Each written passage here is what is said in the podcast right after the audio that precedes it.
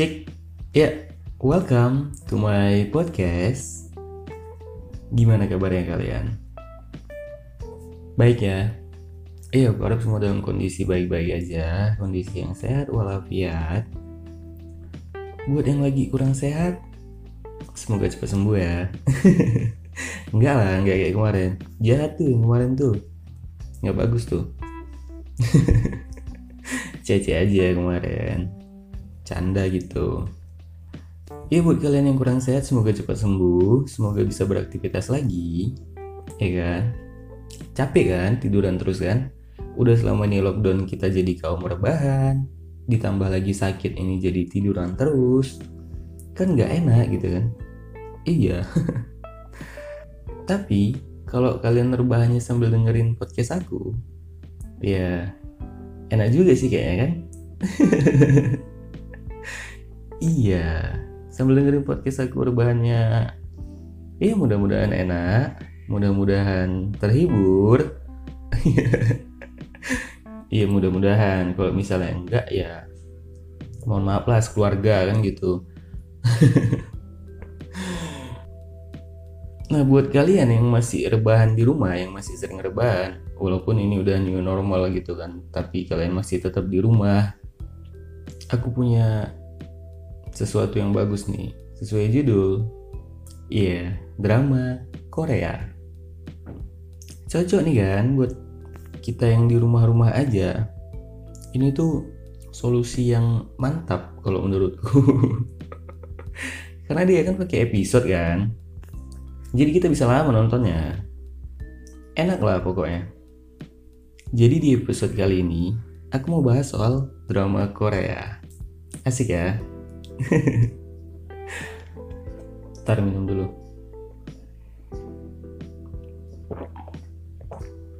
Ah, haus juga ya ngomong-ngomong. drama Korea ini semakin merajalela ya kan? Iya, diracuninya kita.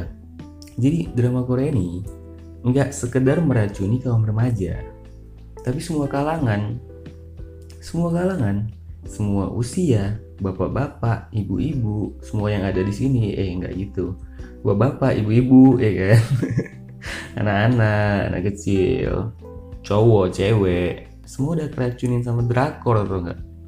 Termasuk aku gitu. Iya, aku udah kena racunnya drama Korea juga. Awal-awal tuh nonton karena iseng gitu kan. Jadi nggak ada lagi yang mau ditonton. Tepatnya tahun 2013 yang lalu. Eh, stay. Asik kali cara bicara aku. Iya 13 Ah kok 13 tahun yang lalu 2013 Terus lama aku ngomong jadinya gara-gara kalian Eh kalian pula yang kesalahin entahlah entah apa Beslema jadi yang ngomongku kan iya 2013 pertama kali aku nonton drama Korea kalau nggak salah. Jadi waktu itu ceritanya aku di tempat saudara dan nggak bisa tidur. Nah film yang ada itu cuma drama Korea. Karena aku hobinya nonton film nggak tahu juga mau ngapain nggak bisa tidur main HP gitu-gitu aja. Gak ada lagi yang mau ditengok bosan. Jadi ya udah aku putusin buat ah ya udahlah nggak apa-apa lah nonton drakor gitu kan. Karena dulu sempet skeptis sama yang namanya drakor. Kalau dulu kan cowok-cowok kayak nonton drakor tuh jadi kayak cowok-cowok cemen gitu kan. Iya kayak memang nggak ada yang bilang sih. Tapi kayaknya udah ada stigma aja gitu bahwasanya cowok itu nontonnya ya action man Hollywood ya kan yang western western gitu jadinya. Jadinya terkesannya kalau cowok yang nonton Korea itu kayak ah ini cowok cemen. Kayak gitu. Aku dulu sempet kayak beranggapan gitu. Tapi nggak seutuhnya beranggapan gitu sih. Cuman kayak tersirat gitu gitu aja. Cuman kayak ya nggak usah lah ngapain lah nonton drakor gitu kan? Ngapain lah nonton drama dramaan gitu. Episode lagi. Kan gitu mikirnya dulu. Dan setelah aku tonton boom. Habis. Sudah nggak ada cerita itu seru kali anjing. Iya itu seru kali dan pandangan aku 100% berubah ketika aku nonton drama itu. Kalau nggak salah judulnya kemarin itu The Innocent Man yang main si Song Joong Ki. Nama pemeran ceweknya aku nggak tahu siapa lupa. Dan itu film keren asli. Keren lah pokoknya gitulah pokoknya. Susah dijabarkan dengan kata-kata. Pokoknya aku langsung man I love it gitu kan. Kayak langsung ih gila. Ternyata keren ya drama Korea. Aku langsung mikirnya gitu. Nah pas aku cerita ke teman-teman cowok gitu kan mereka langsung kayak ih tontonanmu pun drakor bah. Kayak gitu di komennya coba lah dan yang komen itu sekarang udah nonton drakor juga coba lah udah teracuni juga kan? Jadi untuk kalian yang bilang nonton drakor itu lemah antara duanya itu. Kalau nggak karena kalian nggak suka film yang kedua kalian belum nonton. Udah itu aja sih. Kalau udah kalian tonton pasti kalian suka gitu. Kenapa? Karena ada beberapa alasan. Iya salah satunya itu karena visualnya. Jadi visualnya itu bagus-bagus man ganteng-ganteng gitu kan. Secara kan Korea putih-putih gitu semua kan bening-bening men. Ih asik lah. Iya cantik-cantik gitu kan. Bening. Gila lah gitu kan. Apalagi cowok-cowoknya.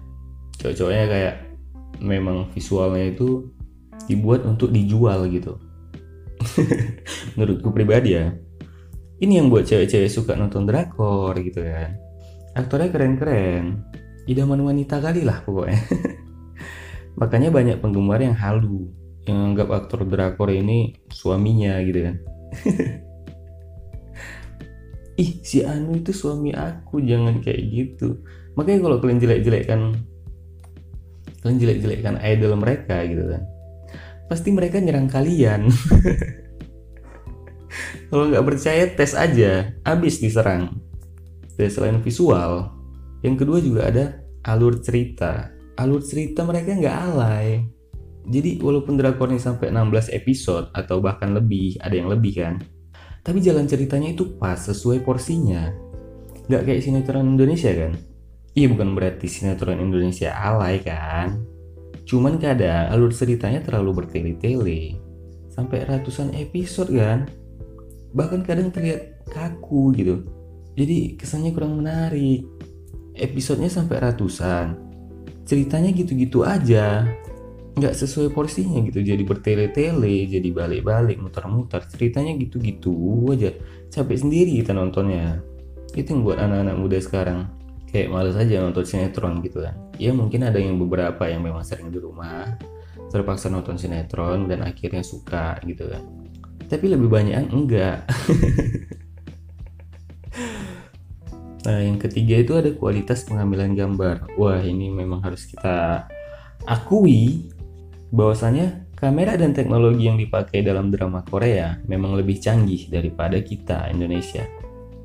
Terus editingnya juga bagus kan? Nggak selebay sinetron Indonesia gitu. Tahu lah gue kan? Naga-naga Indo siaran itu kayak mana kan gitu parah sih itu naganya ngeri kali dan sinematografi mereka memang cocok diacungi jempol. Itu yang buat aku salah satunya suka nonton drama Korea kan? Karena memang sinematografi itu bagus keren asli keren. Pengambilan gambar dan jalan ceritanya itu wajib ku acungin jempol pokoknya. Keren memang. Terus mereka juga bisa menghipnotis. Iya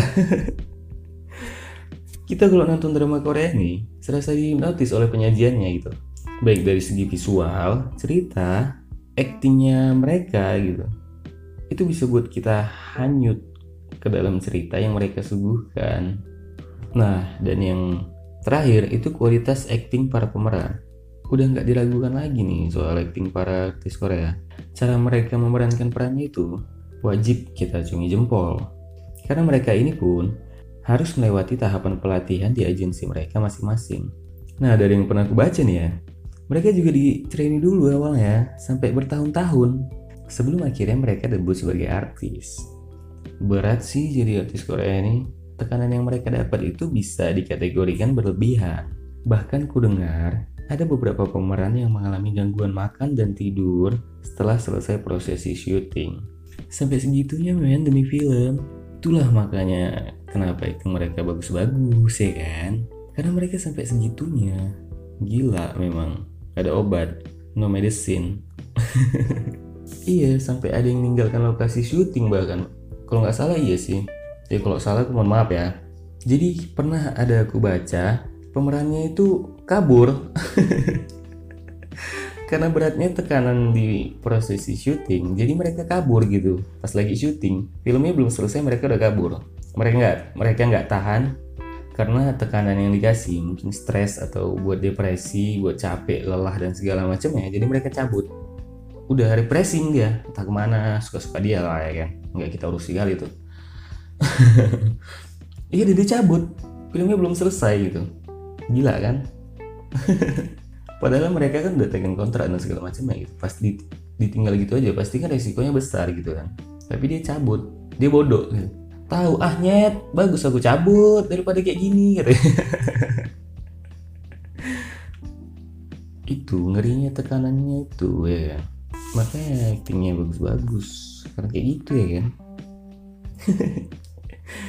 ya sekian lah pembahasan kita soal drama Korea kan. Buat kalian yang belum pernah nonton drama Korea, kayaknya kalian harus cobain lah. Iya, kayaknya kalian harus cobain nih. Kalau misalnya tetap nggak suka, ya udah nggak apa-apa. Nggak apa-apa kalau misalnya masih tetap nggak suka gitu.